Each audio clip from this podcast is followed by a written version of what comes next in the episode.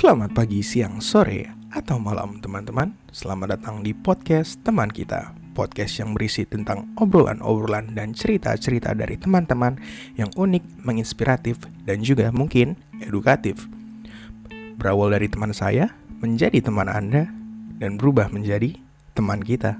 This is your host, Iksan Budi Sadewo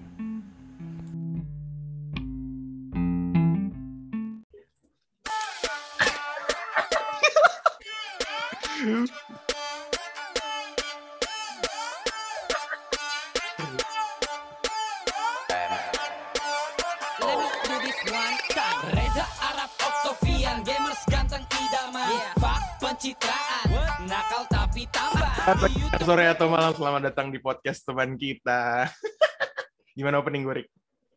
Mantap, mantap, mantap. Mantap banget ini. Gokil. Eh, kali ini gue episode kali ini agak nggak beda juga sih sama sih. Gue ngundang orang nih. Nah ini ini sebenarnya junior gue di FK Trisakti angkatan 20, 2 tahun di bawah gue berarti ya. Ada Iya, Erik di sini halo Rik. Halo Bang, halo, halo, halo. Nyantai aja, nyantai aja. Ini bukan kaderisasi. ya. Yoi. Oke.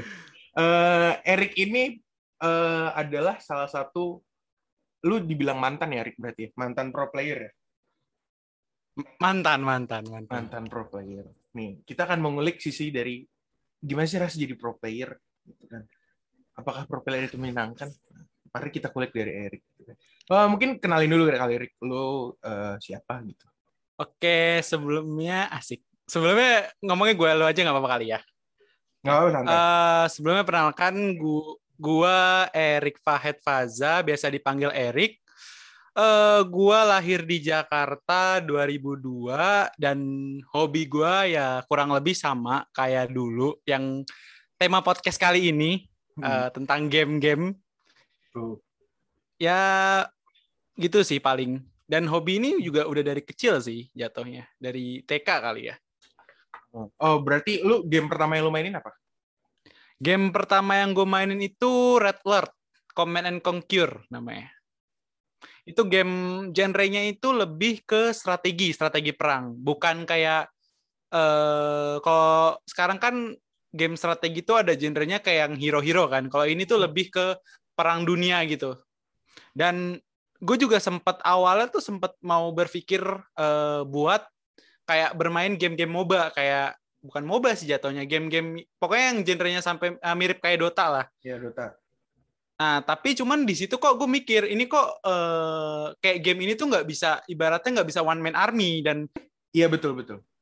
Iya ya pokoknya lebih lebih ke genre-genre ini sih eh, apa namanya yang team play banget lah. Dan gue tuh rada kalau misalnya dapat pairing tim yang rada nggak enak tuh dulu tuh kayak apa sih kayak benci banget gitu jadi ya akhirnya eh, mencobalah game-game yang baru yang genrenya kayak gue rasa lebih bisa berkompetitif gitu Hmm, oke.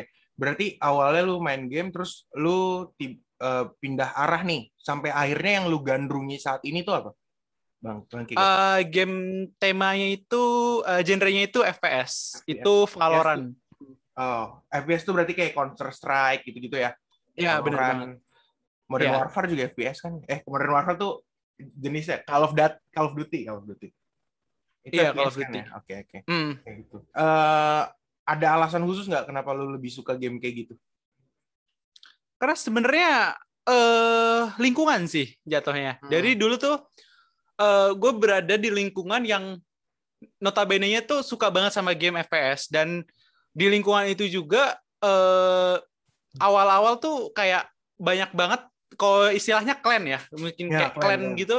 Clan-clan di daerah situ tuh eh, di game di game ini tuh yang bagus-bagus tuh ada di daerah gua gitu. Terus jadi kayak gue tertarik dan eh pada umur kira kira-kira gue mulai mulai rada rada sering banget intens main tuh umur 8 7 8 9 tahun tuh gue mulai intens banget main jadi gue sering banget ke warnet dan sering juga kena marah dan lain-lain Wah, pasti. eh pasti ngabisin duit game yang kalau game FPS pertama tuh gue dari Counter Strike terus gue pindah arah ke game yang rada boros tuh Point Blank Wah, point blank gue main, gue main Ah, point blank. nah, point blank iya itu. main, gua main, main. Itu kayaknya semua anak Indonesia kali ya pernah merasakan. Iya, mungkin kayak- kayaknya iya sih. Dulu gue sempat jadi anak warnet yang nyanyinya Dirgat Dirgat Winem. Iya. Alay bener. Minumnya granita ya, Bang? Iya, iya minumnya granita sama Indomie. Bawa 20 ribu kenyang. Iya anjir. Eh, ta- tapi lu tipe-tipe yang gamer apa kayak apa ya mengeluarkan duit buat kayak top up top up gitu gak sih? Eh, bisa dikatakan iya. Itu Oh. dari PB. PB kan pastilah tahu ya, Bang ya. 3000 eh 3000 cash itu baru 30.000 ya. Itu tiga Ya. hari kan. Di tiga hari. Gue Nah, lumayan. jadi kayak boros kadang gara-gara PB. iya sih. Mm-mm. Apalagi tuh kalau misalnya ada ini nggak sih, Bang? Apa namanya? Eh yang item-item yang paketan gitu yang 100 Oh, ribuan ada full cash pakai Hmm. beret. Ya gue ya mohon maaf ya ibu, ayah, saya pernah mencolong duit. Gue juga pernah. Kegap lagi bodohnya deh. Ya gitulah. Ya itu masa masa kecil lah ya. Nah terus Hmm. eh, tapi Rick, lu kan maksudnya lu pernah main, lu dari kecil emang suka game, terus eh, sampai sekarang lu sempat jadi pro player. Awalnya ibu nyokap bokap lu kan tadi lu cerita nyokap bokap lu tuh eh, marah marah kan, maksudnya ngomelin lu ya Hmm. main game. Nah tapi pada Hmm. pas lu jadi pro player itu respon nyokap bokap lu gimana tuh? Eh awal-awalnya masih sama sih. Nyokap gue tuh tipikal orang yang bisa dikatakan sukanya sama akademik gitu. Jadi kayak Ah, ya. eh ya pokoknya non akademik nggak apa-apa, tapi cuma jangan dijadiin kayak acuan gitu, jangan jadi poin Hmm. utama kita untuk ke depannya gitu. Karena eh kalau non akademik apalagi game gitu kan pemikiran, you know, pemikiran orang tua kan masih Iya. Asian parent Iya. lah ya, Asian parent. ya yang- Asian, Asian parent kan masih kayak kayak gitu ya. Heeh. Hmm, jadi kayak eh, pokoknya jadiin itu eh, sampingan aja, jadiin pengalaman aja. Eh, nanti pokoknya secara tidak langsung eh, belajar juga di situ tentang apa namanya dasar dari profesionalisme itu Ah, sih. iya benar sih. Karena gue gue gue percaya tiap tiap pencapaian maksudnya apa pun pencapaiannya pasti kan butuh kerja keras, butuh konsistensi dan butuh profesionalisme buat menjalaninya. Nah, lu sampai ke titik itu lu bisa belajar profesionalisme juga. Nah, terus eh gimana cak mungkin mungkin orang-orang banyak yang nggak tahu. Maksudnya gimana caranya lu bisa direkrut sebagai pro player gitu. Mungkin tim pertama lu apa dulu?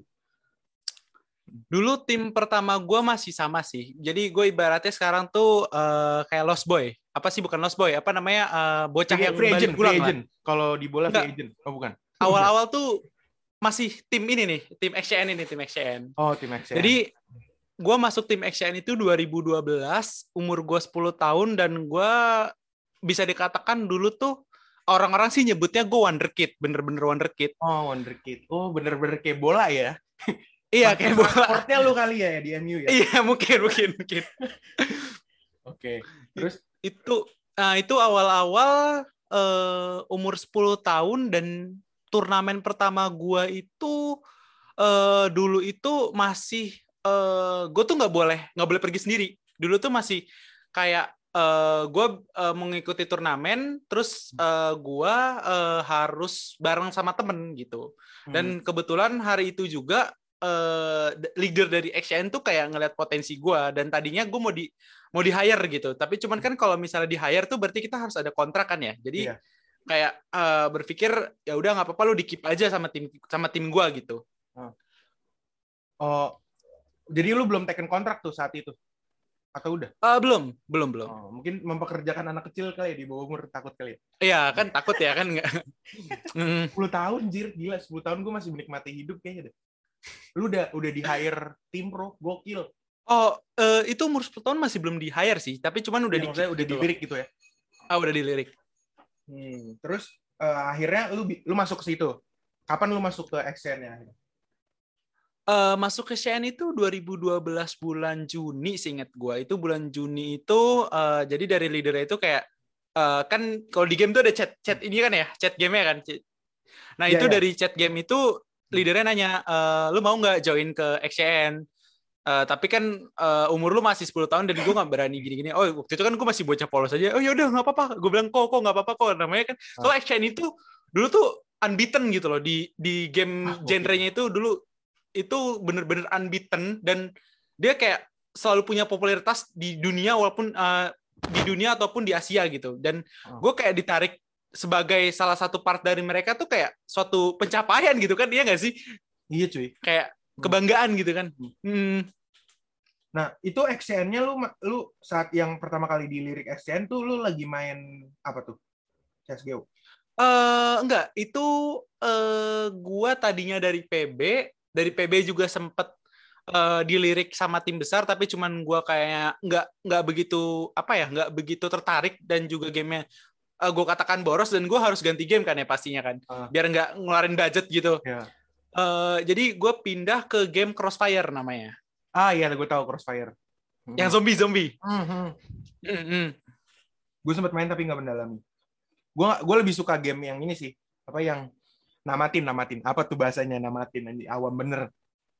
Apa Yang ya? bukan, online online gitu loh. Maksudnya Iya iya iya. Call of Duty, terus Black Ops, FIFA, Assassin's Creed, NBA, ah. Assassin's Creed gitu-gitu. Gue lebih suka yang kayak gitu daripada yang karena gue gampang jenuh ya. Maksudnya Mm. PB kan ya walaupun musuhnya kadang susah kadang gampang, tapi kan movementnya kayak gitu-gitu aja. Ah, Iya iya. Poinnya gitu-gitu. Apalagi PB, Hmm. Sorry itu agak pay to win ya. Iya. Agak pay to win ya. Ada senjata yang ada damage-nya plus gitu. ya. Iya, ada Hmm. senjata yang harus bayar buat dapat damage lebih parah gitu. gue lebih suka game-game yang yang namatin aja gitu. Nah, lu emang nggak Hmm. bosen, Rick? Maksudnya lu sebagai pro player memainkan hal yang sama, mema- mengulang itu berjam-jam gitu. Karena sebenarnya gue tuh bosen sama game-game kayak yang namatin gitu. Karena gue sering banget main game, namatin itu nggak sampai seha- sampai sehari dua hari. Itu baru beli langsung tamat. Dan gue sampai saking kayak saking bosennya tuh kayak kenapa nggak cari game sesuatu yang bisa dimainkan bersama orang banyak gitu loh akhirnya. Iya sih, benar. Hmm. Iya sih kalau itu enaknya ada interaksinya ya. Iya bener banget. Nah, terus lu akhirnya di hire sama tadi CXN itu eh, setelah itu lu gimana tuh? Pas udah di hire apa yang lu lakukan di sana gitu? Eh, kalau mulai di hire kan itu udah profesional itu umur baru umur dua- pokoknya umur, du- tahun 2017 itu 2017 baru 2017. mulai di hire ya tapi beda tim bukan dari XCN Oh bukan, ternyata yang nge-hire lu bukan yang jadiin lu profesionalnya bukan, maksudnya nge-hire lu sebagai profesional bukan XCN malah.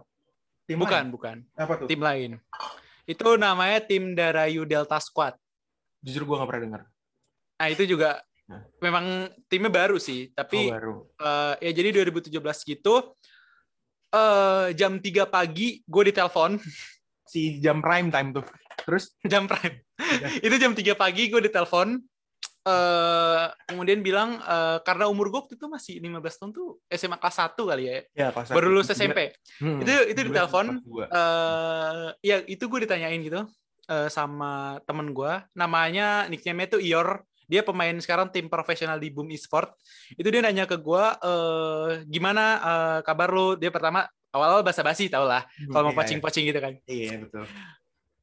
eh gimana kabar lu? Eh lu udah- kelas berapa sih sekarang gitu kan ditanyain. Eh, gue kelas 1 terus kira-kira lu mau nggak join tim gua? Tim apaan tuh? Gue tanyakan. Karena gue juga masih eh, kita sebagai ibaratnya player yang udah tahu nama tim-tim tuh dari dulu Ah. kan nggak tahu ya ini ini tim apaan sih kayak kan takutnya kan nggak jelas gitu kan Terus? akhirnya di di telepon eh sama sama Ior ini sama si Kevin ini ditelepon terus kayak eh, ditanyain eh, kira-kira lu kalau mau join tim ini nanti dapat salary segini Hmm. nah terus kayak di situ gue mulailah tertarik dengan tawaran dari Kevin ini dan juga Ah. kebetulan ada temen ex temen gue yang udah dari lama gitu dari dari Ah. game CF terus kan pindah ke CS:GO dan TD Hmm. DDS ini tuh dari eh, tim eh, tim CS:GO gitu terus Hmm. akhirnya kita kayak ah ya udah lu co- eh, mau coba nggak terus kayak ya udah deh gue coba deh gue coba deh gitu Oke, nah terus pas lu udah masuk nih, eh, masuk tadi tim itu, tuntutan apa yang iya. harus lo lakukan buat tim itu? Maksudnya lu kan digaji nih, digaji sama itu. Apa yang maksudnya Hmm. apa yang tu- tuntutan dari mereka tuh lo harus ngapain gitu? eh awal-awal mereka tuh menginginkan satu target kita menjadi juara satu di Indo target besarnya itu Heeh. jadi jawara Indo dan itu hampir terlaksana eh di tim itu juga gua eh, belajar banyak lah namanya bahwa eh, dari setiap hal itu dari aspek eh, profesional ini kayak disiplin, tanggung Hmm. jawab, eh, terus attitude itu tuh bener-bener eh, harus ada di situ. Jadi eh, singkat cerita sebelum sebelum mereka mau narik gue tuh ada satu orang, gue nggak bisa nyebutin namanya. Jadi satu orang ini tuh pengen ditarik sama tim DDS ini, sama yang mau narik gue ini. Hmm. Terus mereka kayak eh, melihat dengan bakat yang sama, malah eh, kayak gue mikirnya malah yang mau ditarik ini tuh lebih lebih jago dari gue. Tapi eh, karena permasalahan attitude dan dia orangnya kayak merasa seakan-akan lebih besar dari 20% dari lima orang, Hmm. jadi kayak mereka berpikir oh ya udahlah nggak usah lah kayak attitude itu jelek gitu. Jadi akhirnya nggak nggak di nggak di nggak ditarik gitu. Akhirnya milih gue dan gue waktu itu eh memang gue lagi anget-angetnya ibaratnya kasarnya nih kayak bola Ah, nih anget-angetnya iya. dan gue masih bisa belajar banyak gitu. Apalagi umur gue masih umur 15 tahun kan masih ibaratnya masih mu- umur-umur Iya, awal masih ya. improve lah ya, masih bisa Iya, masih improve. Jauh. Nah, Jalannya masih panjang. Oh, keren. Hmm. Terus ap, eh, maksudnya kan kalau yang gue tahu nih ya, eh, kalau lu jadi pro player kan lu harus latihan tiap hari. Nah, itu lu menghabiskan berapa jam buat main game doang? itu ya. Eh kalau dikatakan 8 jam gimana? 8 jam sehari. Iya. lu sekolah gak sih? gue sekolah, gue sekolah. Jadi gue tuh dulu eh, ada jadwal ya. Karena yang mereka itu harus nyesuaiin dengan gue dan gue juga kan masih sekolah kan ya. Heeh. Jadi eh gue itu eh latihan semisal jam kalau nggak jam 7 jam 5. Kalau misalnya mendekati pertandingan jam 5, jam 7 eh kita latihan. Eh oh iya, tapi sebelumnya si eh, tim yang baru pertama kali nge-hire gue ini tuh gue nggak begitu lama soalnya.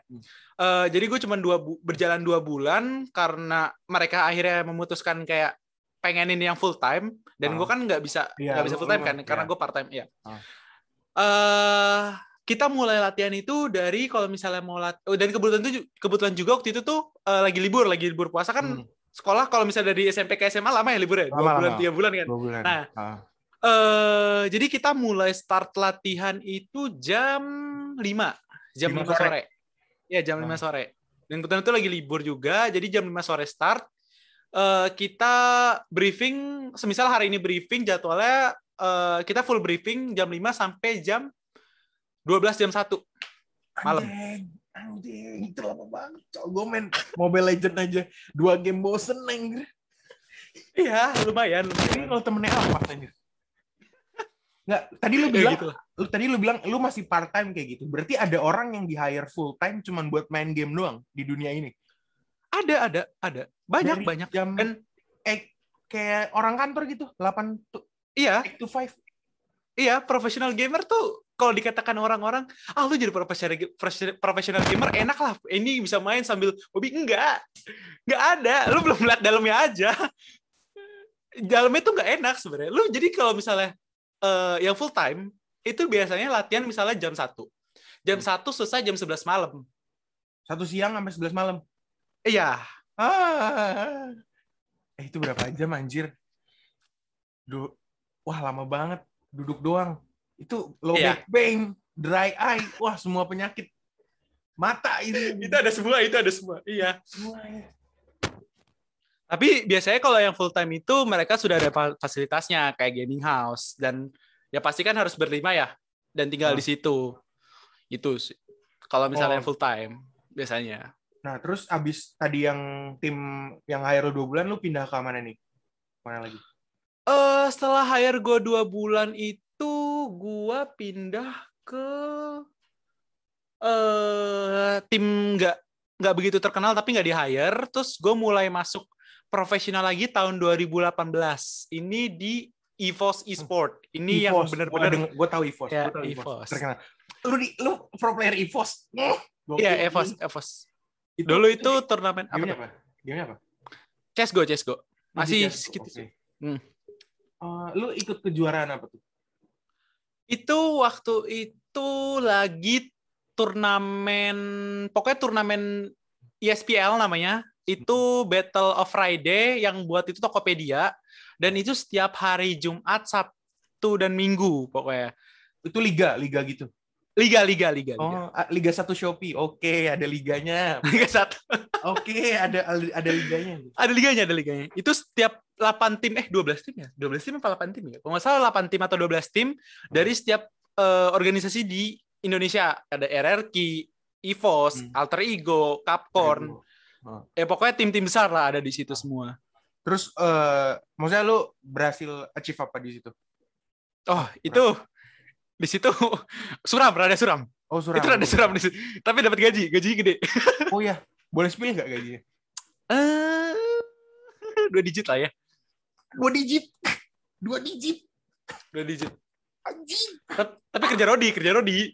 I- iya itu sih. itu lagi itu udah masuk sekolah masalahnya bang itu udah masuk sekolah Hmm. dan gue lumayan ribet juga itu Oh, sebenarnya sekolah sekolah agak hancur gak di situ pas lagi kayak gitu.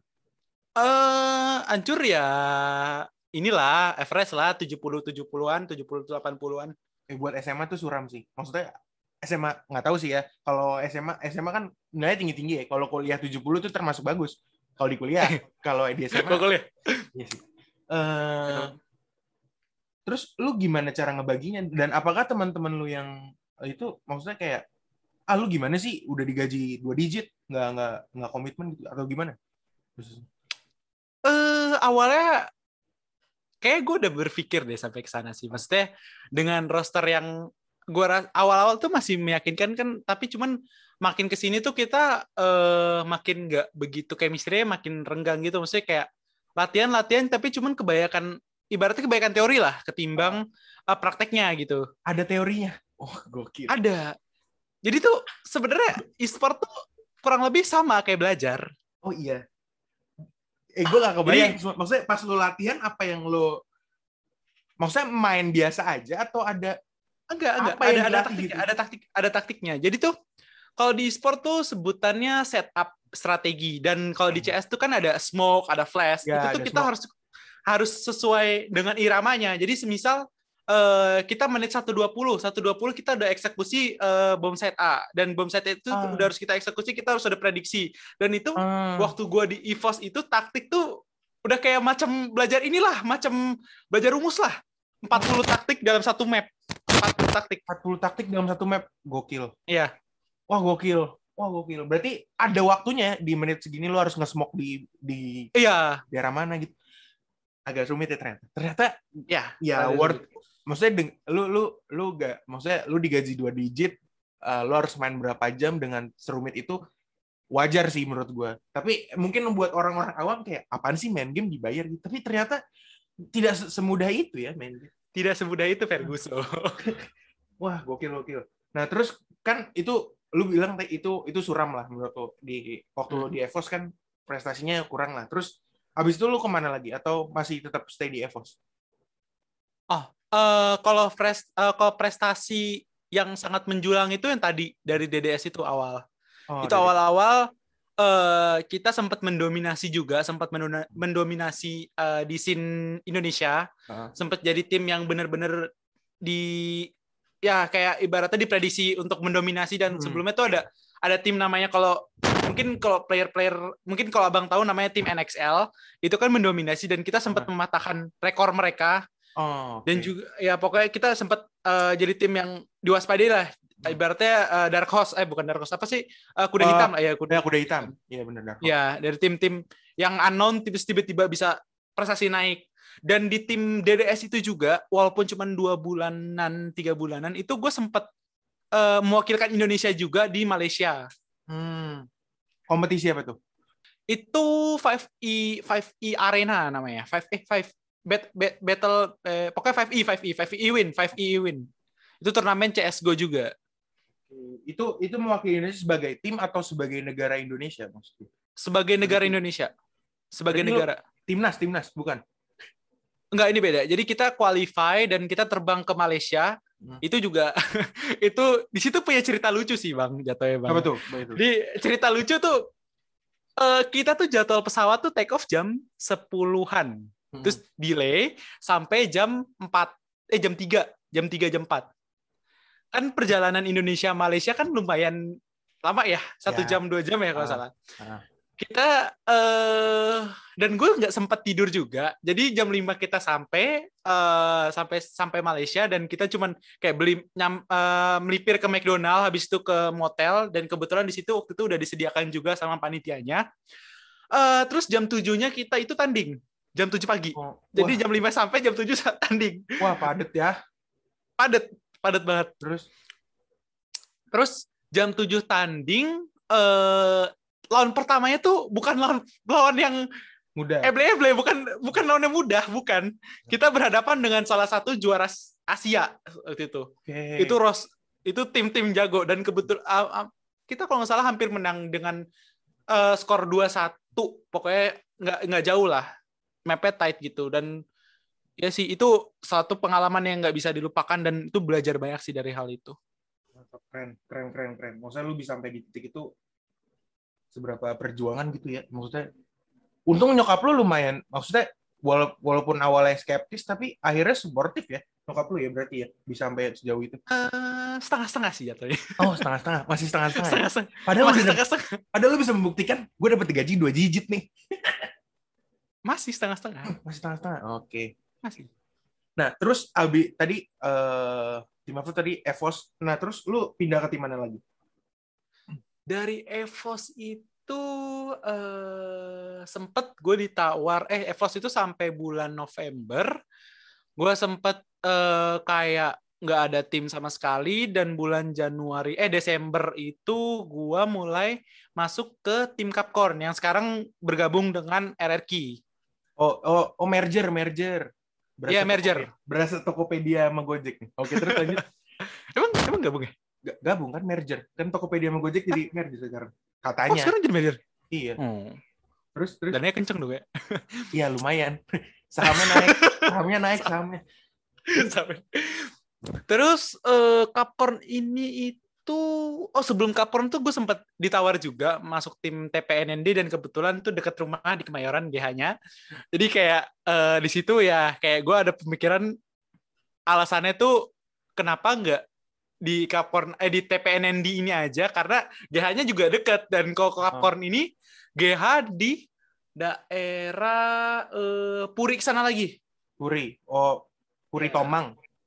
Apa apaan sih? Puri Ya. mana sih? Puri Puri Mall, Puri Mall. Oh, Puri Mall. Iya, terus Dan kan lumayan ya dari Cempaka Putih ke Puri kan hmm, encok juga ya.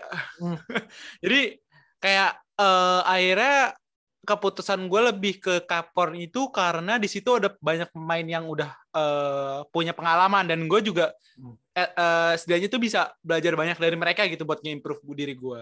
hmm, oke. Nah, bentar, gue mau nanya deh. Kalau lu pindah tim itu ada bursa transfer gitu maksudnya? Paham gak sih? Kayak lu kayak, kayak, kayak bola, kayak bola atau lu resign dulu terus di hire gitu atau ada bursa transfer, bursa Eh, transfer aja.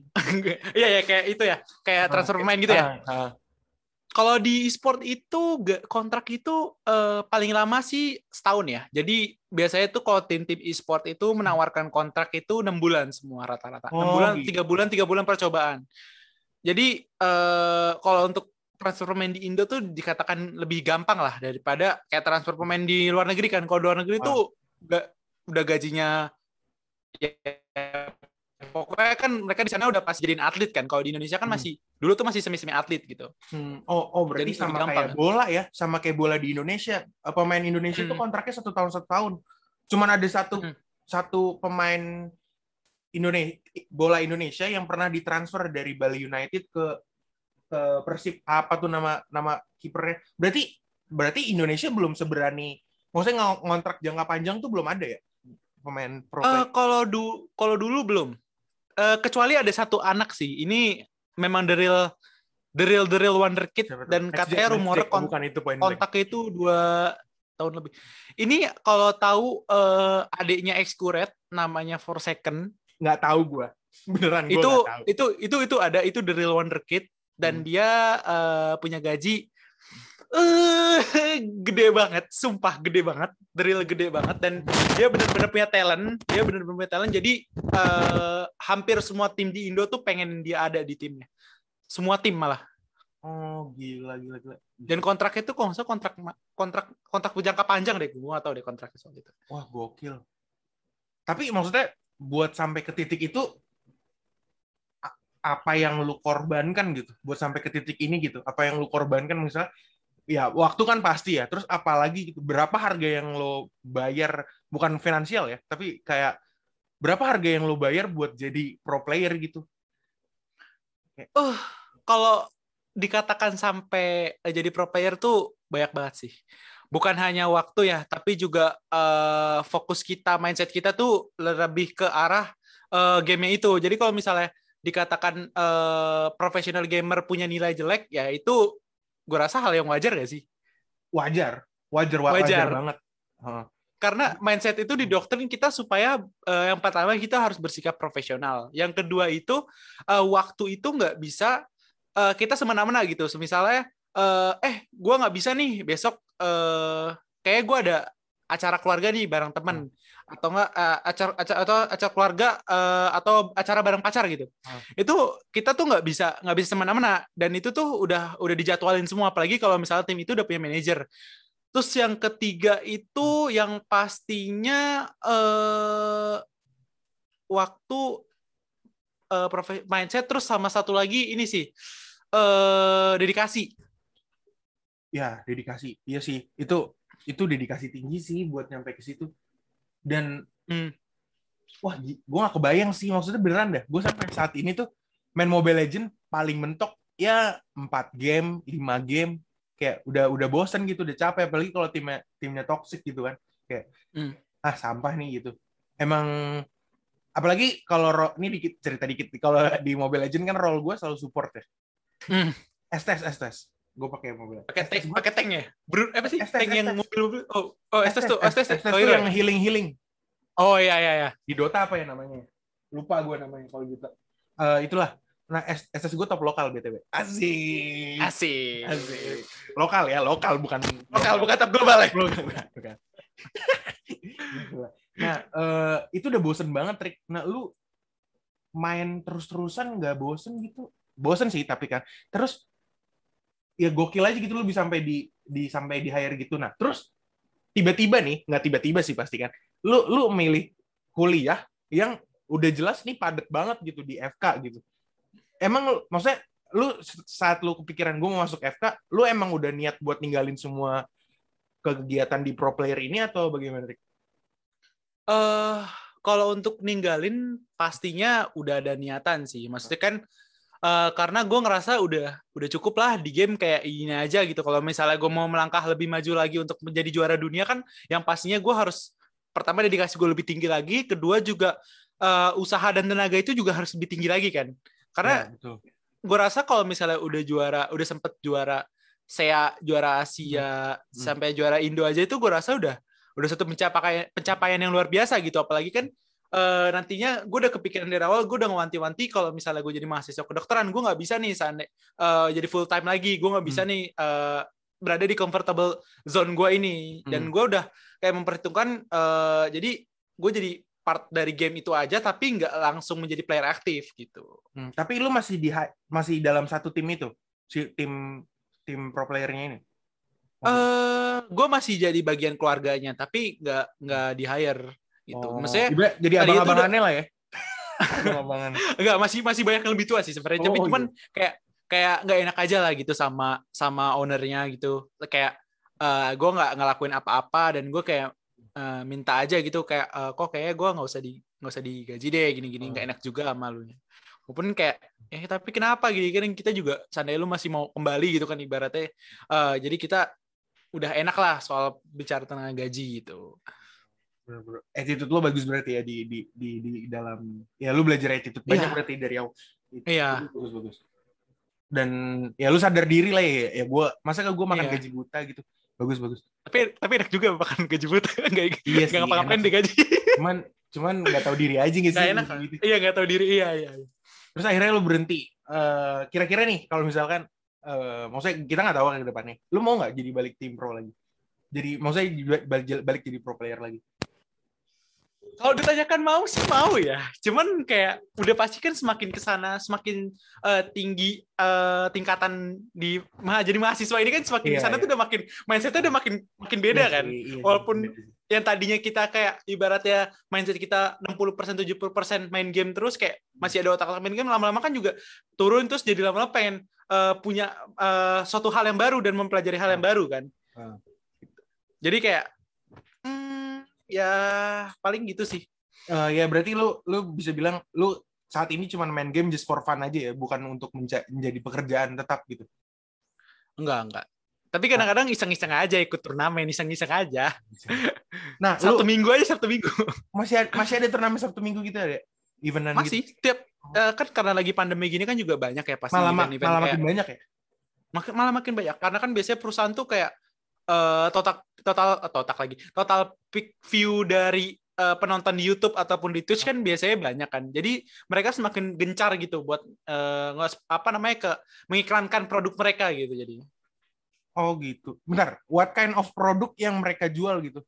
Gue masih bingung nih. biasanya eh kayak Kontennya deket-deket ini kayak Konten Kayak- konten gamenya atau hmm, biasanya mereka produk barang sih kayak eh, biasanya ada turnamen AMD Ah. itu biasanya kan ada ada produk mereka kan kayak mengeluarkan eh, dari produknya kayak Ryzen eh, gen- Oh. AMD Radeon gitu-gitu dan Hmm, kemudian kalau kayak turn, eh, kayak turnamen ini eh, yang lagi sekarang ini kayak eh, First Media apa Hmm. namanya First Warrior itu juga mereka kan mem- memasarkan produknya gitu kan Oh gitu. Nah, lu bentar, gue masih bingung nih. Pemasukan dari tim per- tim pro itu dari mana ya? sponsor pasti Oh, ada yang men- maksudnya biasanya sponsornya apa? Kalau misalnya misalnya kalau olahraga kan jarum misalnya. Gue bingung nih olah, Ah. eh, olahraga tapi sponsornya rokok tapi ya nggak apa-apa lah gitu. Tapi kalau tim maksudnya tim game ini pro player game ini timnya tuh eh, sponsornya rata-rata apa? Apa eh, gaming Razer? gaming gear gaming gear gaming. Oh, gaming Razer, Series, Logitech gitu-gitu sih Oh gitu. Tapi pure dari itu doang atau mereka ada lain? biasanya owner ownernya tuh udah owner owner yang punya dompet lebih dari tebel Oh, oh ya investasi lah ya, menginvestasi. investasi iya Oh gitu. Reza Arab tuh owner owner itu apa sih? Game apa sih? Itu? Morp tadinya tuh udah morp nggak salah udah enggak deh sekarang Oh, udah udah, enggak, udah. Iya. Oh, nggak tahu gitu. deh kayaknya mas udah masih tapi pasif kayak enggak Nah, ini gini nih. Eh, kalau misalkan nih ada orang, ya mungkin pendengar gua nggak tahu ya, tertarik buat jadi pro player atau gimana. Menurut lu gimana cara orang bisa jadi di hire buat menjadi seorang pro player gitu? eh di hire menjadi seorang pro player ya pokoknya eh, jangan pernah beranggapan jadi pro player itu enak jangan Ya. pernah. nggak ada itu mindset kalau bisa dibuang dulu. Ya. oke memang enak. Maksudnya enak kan hobi ya hobi di hobi, gitu kan. Heeh. Tapi cuman kan di balik itu tuh ada suatu kerja keras, dedikasi dan waktu yang terbuang eh, s- bukan secara cuma-cuma sih kayak eh, pokoknya terbuang yang maksudnya harus menghasilkan sesuatu dan ada tuntutan juga kan, apalagi dari eh apa namanya dari tim eh, dari organisasi tersebut kan mereka juga punya sponsor dan sponsor kan juga pengen menghasilkan eh, feedback positif juga kan. Ya, heeh. Eh saran gue sih yang pertama yang tadi itu jangan pernah ngerasa jadi pro player itu enak. Mindset pertama ya. Dan yang kedua itu eh, lu pasti harus tahu juga nih eh, game yang mau lu tekun ini apa. Misalnya genre FPS atau MOBA. Terus yang ketiga itu eh, lu harus siap-siap namanya membuang waktu eh, secara lebih gitu. Jangan Hmm. jangan pernah lu berpikir jadi pro player itu kayak oh, waktunya banyak. Enggak.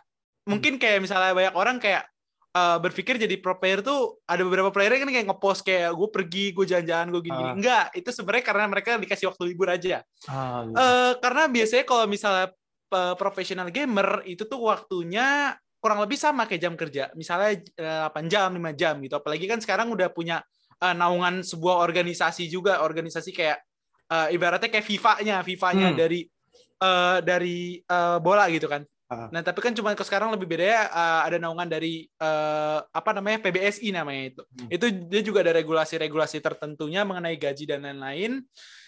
Eh, terus yang kedua itu tadi udah waktu, yang ketiga itu yang ketiga itu pasti dasar dari profesionalismenya sih. Yang pertama tuh yang pasti disiplin. Hmm. Nah, disiplin ini penting kenapa? Karena eh, nanti lu kan kalau misalnya jadi profesional gamer itu pasti lu ada kontrak kerja dan kontrak kerja itu menjunjung tinggi namanya eh, disiplin dan juga attitude pastinya. Hmm. itu sangat penting. Terus eh, setelah disiplin, terus tanggung jawab juga.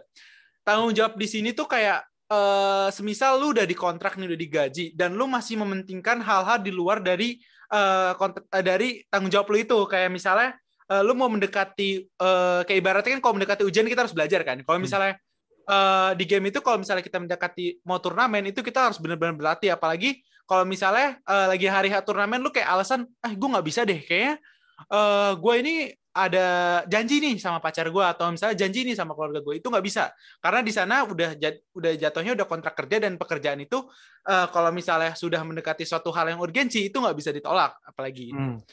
Terus yang terakhir itu eh, yang pastinya itu eh, inisiatif karena di setiap profesional gamer itu eh, karena jatuhnya di sini udah profesional dan kayak ibaratnya dari aspek setiap hal dalam diri lu tuh udah harus eh, udah harus instan ada gitu loh. Misalnya kayak inisiatif, kreativitas itu udah harus ada. Jadi waktu lu eh, posisi jadi profesional, lu nggak boleh kayak eh, ibaratnya eh, masih belajar dari awal lagi nggak bisa begitu. Pokoknya dalam posisi profesional di sini, lu harus jadi, lu harus punya inisiatif untuk melakukan eh, melakukan decision misalnya dari di Hmm. inside game itu. Kayak Hmm. misalnya gue mau melakukan hal ini, hal ini, hal ini. Lu tuh udah harus ada, apalagi komunikasi gitu. Itu Hmm. udah semua tuh udah harus di kayak ibaratnya udah harus ada di dalam diri lu dan nggak boleh kayak seakan-akan lu dari nol kembali gitu. Kalau misalnya dari nol kembali juga nggak enak kan sama orang lain. Apalagi kan kayak eh, kita kan juga nggak tahu eh, apa namanya latar belakang ekonominya kan ya. Hmm. Eh, ada yang misalnya si A ini memang benar-benar butuhkan duit. Kalau masa misalnya tiba-tiba dia digantikan satu tim digantikan gara-gara eh, diri lu kan gak enak juga ya jatuhnya. Iya. ha. Oh. Itu sih. Hmm. Eh, terus Rick, misalkan nih, kan tadi lu pertama kali di hire gara-gara ini ya, gara-gara ngeli dilirik sama si ownernya CX, CXO, ya? sorry gue lupa. Ah, sama DDS itu Oh, iya, temen DDS. sih jatuhnya. Nah, Teman. eh, gimana Cak? Misalkan nih, misalkan gue gua orang awam, gue gue cuman gamer hobi gitu, tapi gue menekuni banget nih, sampai yang tadi lu bilang, gue, tapi gue nggak nggak nggak punya tim, gue cuman solo player gitu ibaratnya. Gimana caranya gue bisa dilirik gitu? Apakah gue emang mau nggak mau harus gabung tim buat jadi turnamen biar dilirik atau sebenarnya ada scouting, scouting, sco- tim scoutingnya tuh selalu ngelihat di tiap game gitu nggak sih? Atau gimana? Eh, kalau bola kan ada tim scouting ya. Kalau Ya, misalnya kita enggak scouting. sih. Oh, itu ada. lebih ke lebih ke ini aja sih ke player ke satu player ke player lain. Paling kalau misalnya eh, mis, eh, tadi pertanyaannya kalau misalnya dari no- dari player solo gitu pengen masuk tim pro gitu ya. Iya. Eh, yang pertama itu kalau nggak kalau nggak orang dalam ya kita harus punya Susah tim ya? gitu. Oh. Ya dari hal yang kecil aja misalnya turnamen komunitas gitu. Hmm. Terus habis itu nanti kan eh, kalau bisa timnya itu eh, pokoknya yang sesuai dengan kriteria lu. Terus yang kedua itu eh, kalau bisa timnya jangan ganti-ganti gitu. Kalau misalnya lu mau eh, ter- apa namanya kayak sama-sama belajar bareng dan juga sama-sama berkembang gitu.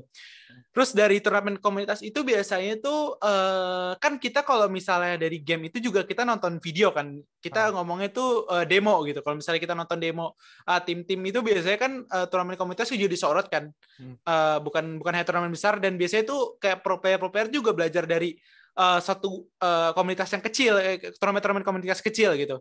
Dan di situ mereka juga biasanya eh, memperhatikan gitu dari setiap player tuh ini kok player punya kayak punya potensi deh buat masuk tim pro. Kayak kita kenapa nggak coba approach dia? Siapa tahu nanti kita bisa ngembangin gitu. Hmm. Oke oke oke. Eh, jadi yang gue bisa simpulin ya, berarti tiap pekerjaannya tuh sel- tiap pekerjaan apa pun itu tiap pencapaian selalu butuh dedikasi tinggi, selalu butuh kerja keras, selalu butuh konsistensi, selalu butuh tanggung jawab dan juga paling pentingnya attitude ya. Nah, Yes. eh, jadi menurut gue mungkin banyak orang awam juga dan orang-orang tua yang kurang milenial ini jangan memandang rendah sebuah eh, gamer karena kalau misal ya mungkin kalau gamer hobi ya ya itu memang merusak nilai tapi kalau menurut gue eh, emang ini bisa diseriusin dan bisa di eh, dijadiin pekerjaan gitu ini lumayan income tapi mulai lumayan profit banget gitu tapi ya memang tiap tiap pekerjaan selalu ada yang dikorbankan ya entah waktu entah waktu keluarga entah bahkan nilai sekolah dan sayangnya untuk menjadi gamer pasti sulit banget untuk di karena Indo- menurut gue Indonesia masih masih agak skeptis ya dengan apalagi orang tua orang tuanya masih kayak apa sih ngapain main game mulu?" padahal hadiah dari game bisa 1 m dari sebuah turnamen Nah, Apalagi Dota ya. iya Dota ya Eh Dota sekarang masih Dota. ada pemainnya masih ada playernya sih? Dota tahu nggak turnamen The International Hah? total hadiahnya berapa? berapa? 547 miliar Dolar. juta eh, rupiah. Oh, rupiah. 540 540 500 ju- Wah. bayangin juara satunya dapat eh juara satunya warnet dapat- itu. juara satunya dapat 18 juta dolar tuh berapa sih 18 kali 14 itu sekitar eh 200 200 240-an lah ya 240-an 10 miliar. ya 240 miliar bayangin itu dapat duit segitu Hmm. balik-balik yang tadinya kita bawa mobil Avanza balik-balik bawa Ferrari Iya anjir. Ma- udah beli Ferrari masih bisa di masih bisa bikin warnet di Indonesia. itu jadi wah kesulitan mendadak anjir. Wah gokil sih.